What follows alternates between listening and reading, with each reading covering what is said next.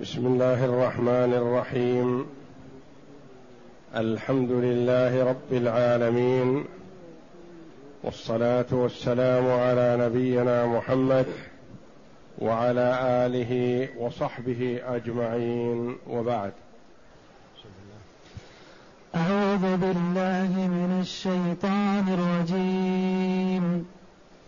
وإن يروا كسفا من السماء ساقطا يقولوا سحاب مركوم فذرهم حتى يلاقوا يومهم الذي فيه يصعقون يوم لا يغني عنهم كيدهم شيئا ولا هم ينصرون وإن لله وإن للذين ظلموا عذابا دون ذلك ولكن أكثرهم لا يعلمون. واصبر لحكم ربك فإنك بأعيننا وسبح بحمد ربك حين تقوم.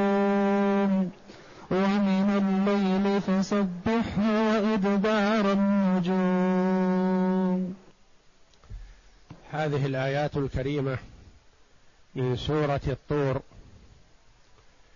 جاءت بعد قوله جل وعلا أم يريدون كيدا فالذين كفروا هم المكيدون أم لهم إله غير الله سبحان الله عما يشركون وإن يروا كسفا من السماء ساقطا يقول سحاب مركوم.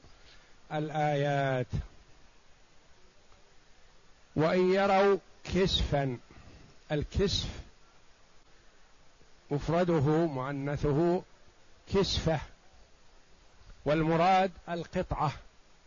كسف قطع. كسفة قطعة. والمركوم كسفا من السماء ساقطا يقول سحاب مركوم يعني مجموع بعضه على بعض. وإن يروا الضمير يعود إلى كفار قريش. كأن في هذا إشعار للنبي صلى الله عليه وسلم بأنهم لن يؤمنوا. مهما جاءهم من الآيات فعدم إيمانهم ليس من جهتك بتقصيرك بالبلاغ ولا لعدم دلالة الآيات على الوحدانية وعلى صدق الرسالة. لا لهذا ولا لهذا وإنما لأنهم معاندون. لأنهم لن يؤمنوا لو أتاهم ما أتاهم من الآيات. وهم طلبوا قالوا أسقط علينا كسفا من السماء إن كنت من الصادقين. فقال الله جل وعلا وإن يروا كسفا من السماء ساقطا لو أتاهم قطعة قطعة العذاب من السماء ورأوها بأعينهم لقالوا هذا سحاب. فلن يؤمنوا ولو عاينوا بأعينهم. فحينئذ لا تحزن ولا تضق ذرعا من حالهم. فهم لن يؤمنوا مهما أوتوا من الآيات. وهذا على سبيل أن لو حصل هذا الشيء.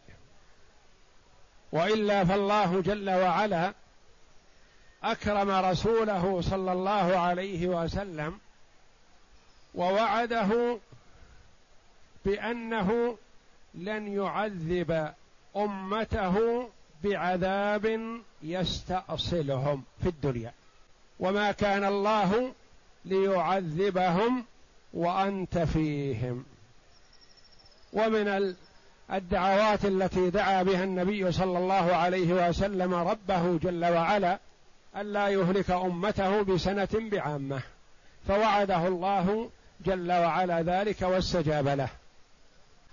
فالله جل وعلا يقول لو حصل هذا مع أنه لن يحصل بوعد من الله جل وعلا لكن لو حصل ما آمنوا. ثم قال جل وعلا فذرهم حتى يلاقوا يومهم الذي فيه يصعقون. ذرهم اتركهم دعهم لا فائدة منهم لا يضق صدرك وتتألم لعدم إيمانهم فقد أديت ما عليك وبلغت الرسالة ونصحت الأمة صلوات الله وسلامه عليه. فذرهم حتى يلاقوا يومهم الذي فيه يصعقون. الصعق الإهلاك. صعق بمعنى هلك. يصعقون يهلكون. أو يصعقون قراءتان. يهلكون للبناء للفاعل والبناء للمفعول. حتى يلاقوا يومهم الذي فيه يصعقون يعني يموتون البناء للفاعل حتى يلاقوا يومهم الذي فيه يصعقون يعني يهلكون. يهلكهم الله جل وعلا بما شاء. قالوا الفاء هذه واقعة في جواب شرط مقدر. أي إذ بلغوا ما بلغوا من الكفر وأيس من إيمانهم فذرهم ودعهم واتركهم. وهذا الترك مؤقت كما قال العلماء الأمر بمتاركة الكفار نسخ بآية السيف. وتقدم لنا الكلام على آية السيف بأنه ليس المراد بها آية واحدة من كتاب الله أن المفسرين رحمهم الله يحيلون على آية السيف وإنما المراد الآيات التي فيها قتال الكفار. لأن النبي صلى الله عليه وسلم حينما كان بمكة وكان معه الصحابة رضي الله عنهم وكانوا مستضعفين ما أمرهم الله جل وعلا بالقتال. ويأمرهم بالصبر والترك. فلما هاجر صلى الله عليه وسلم إلى المدينة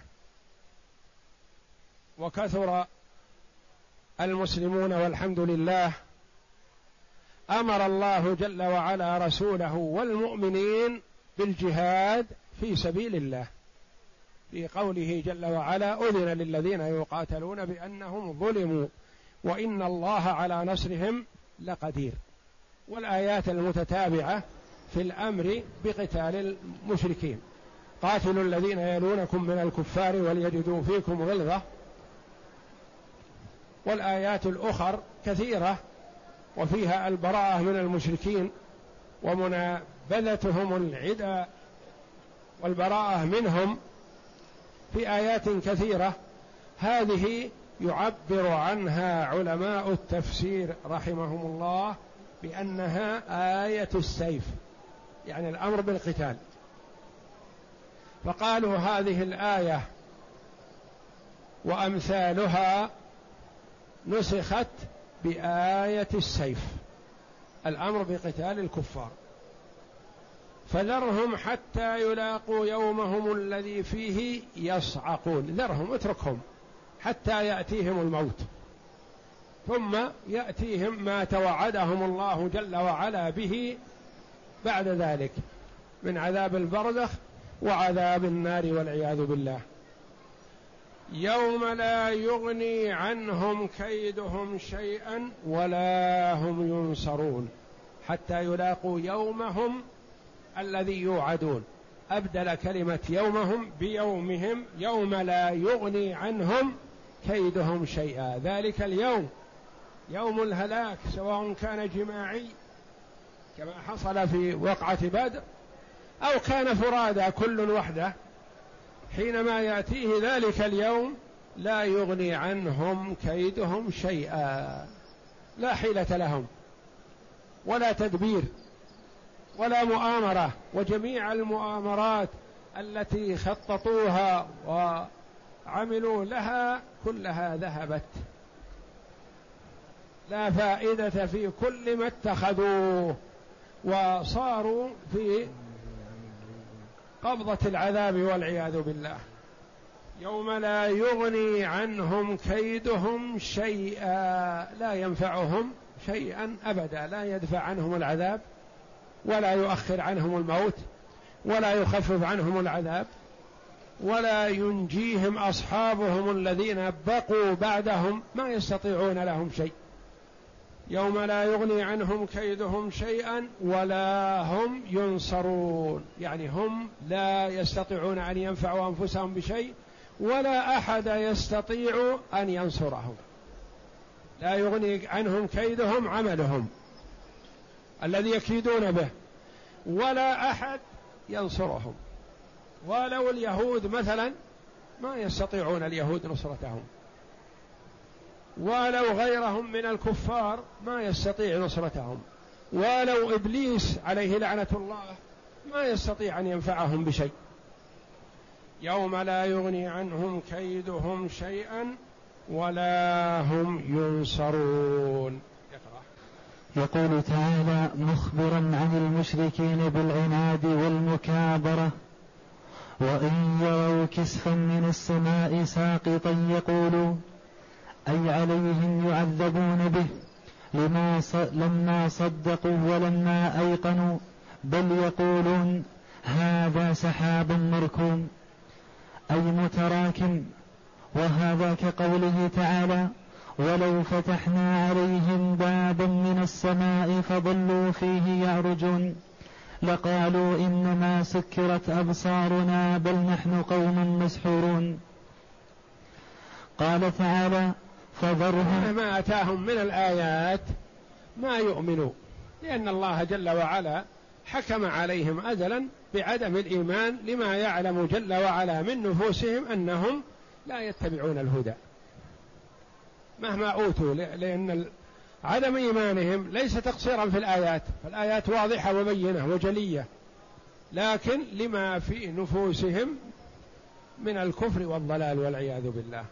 وإن يروا كسفا من السماء و ولو فتحنا عليهم بابا من السماء لظل وظلوا فيه يعرجون لقالوا إنما سكرت أبصارنا. قالوا سحرنا ما هذا صحيح؟ حتى لو اصعدناهم إلى السماء ورفعناهم وفتحنا لهم أبواب السماء وصعدوا قالوا هذا سحر فذرهم اي دعهم يا محمد حتى يلاقوا يومهم الذي فيه يصعقون وذلك يوم القيامة يوم لا يغني عنهم كيدهم شيئا أي لا ينفعهم كيدهم ومكرهم الذي استعملوه في الدنيا لا يجدي عنهم يوم القيامة شيئا ولا هم ينصرون. ثم قال تعالى وان للذين ظلموا عذابا دون ذلك. أو وإن للذين ظلموا هؤلاء وأمثالهم الكفار. لأن أظلم الظلم هو الشرك بالله. الظلم أنواع وكله موقوت. والله جل وعلا حرم الظلم على نفسه وجعله بين العباد محرما. وهو درجات. ظلم المرء لنفسه وظلم المرء لغيره وأظلم الظلم هو الشرك بالله جل وعلا. كما قال الله جل وعلا عن لقمان عليه السلام وهو يعظ ابنه يا بني لا تشرك بالله إن الشرك لظلم عظيم. وإن للذين ظلموا بالكفر الكفار من هؤلاء وغيرهم عذابا دون ذلك. يعني عذاب في الدنيا. ليس الوعيد محصور في وعيد الآخرة وعذاب الآخرة بل سيأتيهم عذاب في الدنيا. يخبر جل وعلا بأنه سيعذبهم في الدنيا. بماذا؟ بما حصل عليهم من المجاعة سبع سنين. مجاعة في مكة حتى أكلوا جلود الحيوانات وأكلوا ورق الشجر من شدة الجوع. منع الله جل وعلا عنهم القطر من السماء فماتوا جوعا في مكة بعد هجرة النبي صلى الله عليه وسلم إلى المدينة. ومن ذلك ما حصل عليهم في وقعة بدر من القتل والخزي والسبي فقد قتل من صناديدهم من كبرائهم سبعون وأسر منهم سبعون. ومن السبعين الذين أسروا من من الله عليهم ومن عليهم رسوله صلى الله عليه وسلم بدون شيء. ومنهم من أخذ رسول الله صلى الله عليه وسلم منهم الفداء. ومنهم من أمر صلى الله عليه وسلم بقتله صبرا. ربط وقتل. هم يستحقون ذلك. وإن للذين ظلموا عذابا دون ذلك يعني قبل عذاب يوم القيامة سيأتيهم العذاب. وهذا في تأنيس للرسول صلى الله عليه وسلم ووعيد للكفار بأنه لن يؤخر عنهم العذاب إلى ما بعد الموت فقط بل سيأتيهم عذاب في الدنيا قبل ذلك. ويعرفون أن النبي صلى الله عليه وسلم لا يقول إلا الحق. وإن للذين ظلموا عذابا دون ذلك ولكن أكثرهم لا يعلمون. يقول جل وعلا أكثرهم لا يعلمون. الكثير منهم عنده الجهل المطبق الجهل المتناهي. الرسول صلى الله عليه وسلم الصادق الأمين يتوعدهم بالعذاب في الدنيا ويعرفون أنه لا يخلف ولا يكذب. ومع ذلك يعاندون والعياذ بالله. وقوله جل وعلا أكثرهم كثيرا ما يأتي أكثرهم بمعنى كلهم. واحيانا يكون أكثرهم يعني الكثير منهم والمراد من استمر على كفره والعياذ بالله لأن من هؤلاء الكفار حين نزول الآيات من آمن. وحسن إيمانه وصاروا من الصحابة الاجله رضي الله عنهم وأرضاهم. وإن للذين ظلموا عذابا دون ذلك ولكن أكثرهم لا يعلمون. لا علم عندهم ولو كان عندهم شيء من العلم لصدقوا محمدا صلى الله عليه وسلم وآمنوا به. نعم. وإن للذين ظلموا عذابا دون ذلك أي قبل ذلك في الدار الدنيا كقوله تعالى ولنذيقنهم من العذاب الأدنى دون العذاب الأكبر لعلهم يرجعون. ولهذا قال ولكن أكثرهم لا يعلمون. أي نعذبهم في الدنيا ونبتليهم في المصائب لعلهم يرجعون وينيبون. فلا يفهمون ما يراد بهم بل إذا جلى عنه إذا جلى عنهم ما كان فيه عادوا إلى أسوأ مما كانوا عليه. كما جاء في بعض الأحاديث إن المنافق إذا مرض وعوفي. مثله اصبر لحكم ربك فإنك بأعيننا وسبح بحمد ربك حين تقوم. واصبر لحكم ربك. اصبر. أمر الله جل وعلا رسوله صلى الله عليه وسلم بالصبر. والصبر على أذاهم والتحمل. لأنه لا فائدة فيهم. وهؤلاء الصناديد الكبرى لا يرجى ولا يؤمل إيمانهم. ولكن عليك تذرع بالصبر.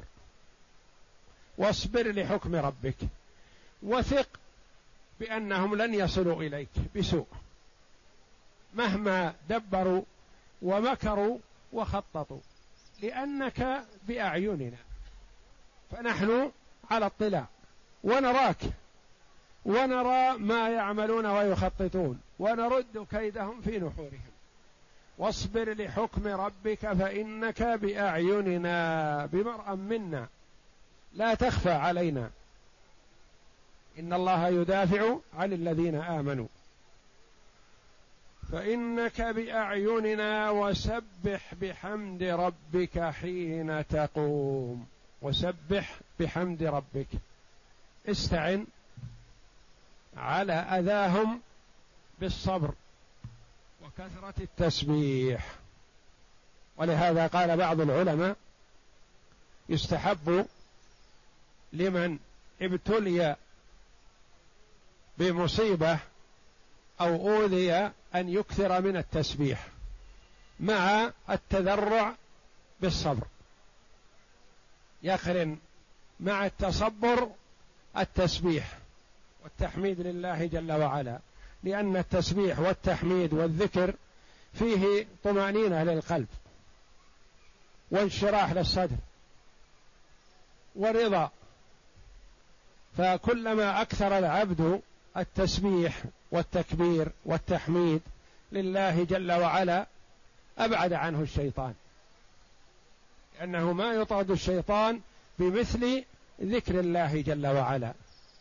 واصبر لحكم ربك ما حكم الله جل وعلا به لك من النصر والتأييد سيأتيك. وما حكم به عليهم من الهلاك والضلالة سيقعون فيه لا محالة. فإنك بأعيننا. نحن على اطلاع. ونراك.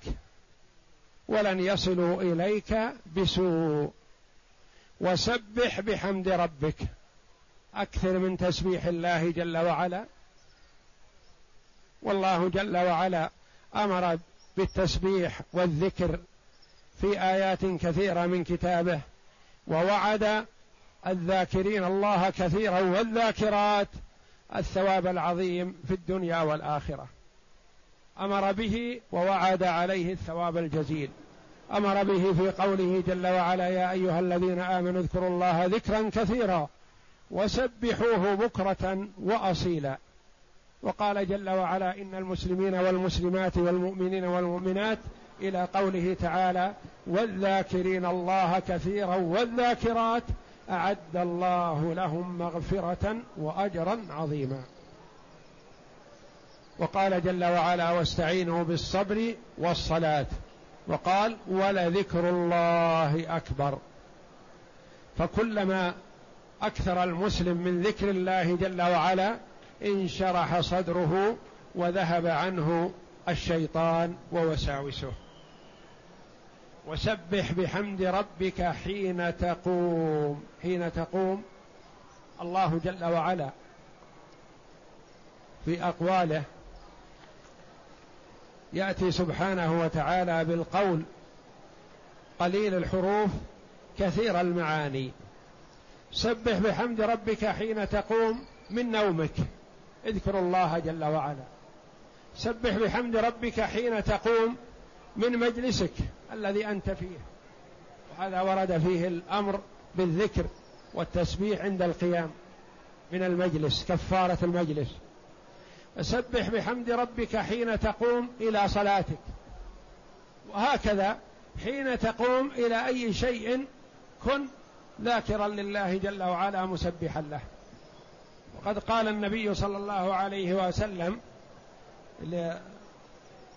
تعليمه صلى الله عليه وسلم للصحابة في كفارة المجلس. سبحانك اللهم وبحمدك أشهد أن لا إله إلا أنت أستغفرك وأتوب إليك.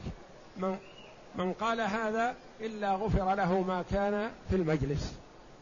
وقال عليه الصلاة والسلام إن المرأة إذا جلس في المجلس فقام. ذكر الله جل وعلا فإن كان هذا المجلس مجلس خير. كان هذا الذكر طابع له. وإن كان هذا المجلس فيه سوء كان هذا الذكر كفارة له. فعن أبي بردة الأسلمي رضي الله عنه قال كان رسول الله صلى الله عليه وسلم بآخرة إذا قام من المجلس يقوم. يعني في آخر عمره صلى الله عليه وسلم. سبحانك اللهم وبحمدك أشهد أن لا إله إلا أنت أستغفرك وأتوب إليك. فقال رجل يا رسول الله إنك لتقول قولا ما كنت تقوله فيما مضى. هذا دليل على أنه كان أحدثه صلى الله عليه وسلم في آخر حياته. قال كفارة لما يكون في المجلس. أخرجه أبو داود والنسائي والحاكم وابن مردويه وابن أبي شيبة وأخرجه النسائي والحاكم عن رافع بن خديج عن النبي صلى الله عليه وسلم. وعن أبي هريرة رضي الله عنه عن النبي صلى الله عليه وسلم أنه قال من جلس في مجلس فكثر فيه لغطه فقال قبل أن يقوم من مجلسه سبحانك اللهم وبحمدك أشهد أن لا إله إلا أنت أستغفرك وأتوب إليك إلا غفر له ما كان في مجلسه ذلك. أخرجه ابن جرير والترمذي وقال حسن صحيح. وعن عاصم بن حميد قال سألت عائشة رضي الله عنها بأي شيء كان يفتتح رسول الله صلى الله عليه وسلم إذا استيقظ من نومه. فقالت سألتني عن شيء ما سألني عنه أحد قبلك. كان إذا قام كبر عشرا. قال الله أكبر. يكررها عشر مرات. وحمد عشرا وسبح عشرا وهلل عشرا واستغفر عشرا وقال اللهم اغفر لي وارحمني واهدني وارزقني وعافني. وكان يتعوذ من ضيق المقام يوم القيامة. أخرجه أبو داود والنسائي. وسبح بحمد ربك حين تقوم يعني من مجلسك أو من نومك أو حين تقوم إلى صلاتك. ومن الليل فسبحه وإدبار النجوم. ومن الليل فسبحه. سبحه قيل المراد الصلاة المفروضة صلاة المغرب وصلاة العشاء. وإدبار النجوم صلاة الفجر. وقيل المراد ومن الليل فسبحه يعني صل صلاة الليل. لأن صلاة الليل نافلة في حق الأمة واجب في حقه صلى الله عليه وسلم. كما قال الله جل وعلا ومن الليل فتهجد به نافلة لك عسى أن يبعثك ربك مقاما محمودا. فقيام الليل كان فرض. على رسول الله صلى الله عليه وسلم. ونافلة لهذه الأمة. وهو أفضل الصلاة بعد المكتوبة. وأفضل الصلاة بعد المكتوبة صلاة الليل. وأفضل الصيام بعد رمضان شهر الله الذي تدعونه المحرم. ومن الليل فسبحه وإدبار النجوم. وورد الأمر بالتسبيح إدبار السجود قيل هي راتبة المغرب بعدها وإدبار النجوم هي راتبة الفجر قبلها أو هي صلاة الفجر الفريضة يعني حافظ عليها وأمر بها. ومن الليل فسبحه وإدبار النجوم. يعني بعد إدبار النجوم بعد غياب النجوم وذهاب نورها بسبب طلوع الفجر وضوء النهار. يختفي ضوء النجم إذا طلع النهار. وإدبار النجوم وأدبار النجوم قراءتان. وكلاهما سبعيتان. ومعنى أدبارها يعني بعدها عند ذهابها عند ذهاب ضوئها. وسبح بحمد ربك وسبح بحمد ربك حين تقوم أي من كل مجلس. وقال الثوري وسبح بحمد ربك حين تقوم إذا أراد الرجل أن يقوم من مجلسه قال سبحانك اللهم وبحمدك. العلماء فيه الأمر بالاستفتاح للصلاة. يعني إذا قمت للصلاة قل كما قال كان النبي صلى الله عليه وسلم يعلم أمته سبحانك اللهم وبحمدك وتبارك اسمك وتعالى جدك ولا إله غيرك. هذا أفضل الاستفتاحات يجهر به في الصلاة ليعلم به من خلفه رضي الله عنه وأرضاه لأن فيه ثناء على الله جل وعلا. وسبح بحمد ربك حين تقوم. قالوا فسره النبي صلى الله عليه وسلم بأنه قول سبحانك اللهم وبحمدك وتبارك اسمك وتعالى جدك ولا إله غيرك. وقال ابن أبي حاتم يقول حين يقوم من كل مجلس إن كان أحسن ازداد خيرا وإن كان غير ذلك كان هو كفارة له. ومن الليل فسبح أي اذكره واعبده بالتلاوة والصلاة في الليل كما قال تعالى ومن الليل فتهجد به نافلة لك عسى أن يبعثك ربك مقاما محمودا. نافلة لك يعني واجب عليك وحدك. ميزناك وفضلناك به على الأمة يعني أوجبناه عليك ولم نوجبه على الأمة. وإدبار النجوم تقدم في حديث ابن عباس أنهما الركعتان اللتان قبل صلاة الفجر فإنهما مشروعتان عند إدبار النجوم أي عند جنوحها للغيبوبة. ولهذا كان النبي صلى الله عليه وسلم يحافظ على ركعتي الفجر يعني سنة الفجر حضرا وسفرا ما كان يدعها عليه الصلاة والسلام. بخلاف السنن الرواتب قبل الظهر وبعدها وبعد المغرب وبعد العشاء إذا سافر تركها صلى الله عليه وسلم. أما سنة الفجر والوتر فكان عليه الصلاة والسلام لا يدعهما حضرا ولا سفرا. ويقول صلى الله عليه وسلم لا تدعوا ركعتي الفجر ولو طردتكم الخير. ركعة الفجر خير من الدنيا وما عليها. ولهذا يستحب للمسلم إذا فاتته قبل الصلاة يعني دخل المسجد وقد أقيمت الصلاة أن يقضيها ولا يتركها ثم هو بالخيار. إن شاء قضاها بعد الفريضة فلا بأس. وإن قضاها بعد طلوع الشمس وارتفاعها قدر رمح فذلك أفضل. أو بعد ذلك بوقت لا بأس لأن كل الوقت وقت من بعد طلوع الشمس وارتفاعها قدر رمح إلى الظهر كل وقت لقضاء سنة الفجر. وقد روي في حديث أبي هريرة رضي الله عنه لا تدعوها وإن طردتكم الخيل يعني ركعتي الفجر. رواه أبو داود. والله أعلم وصلى الله وسلم وبارك على عبده ورسول نبينا محمد وعلى آله وصحبه أجمعين.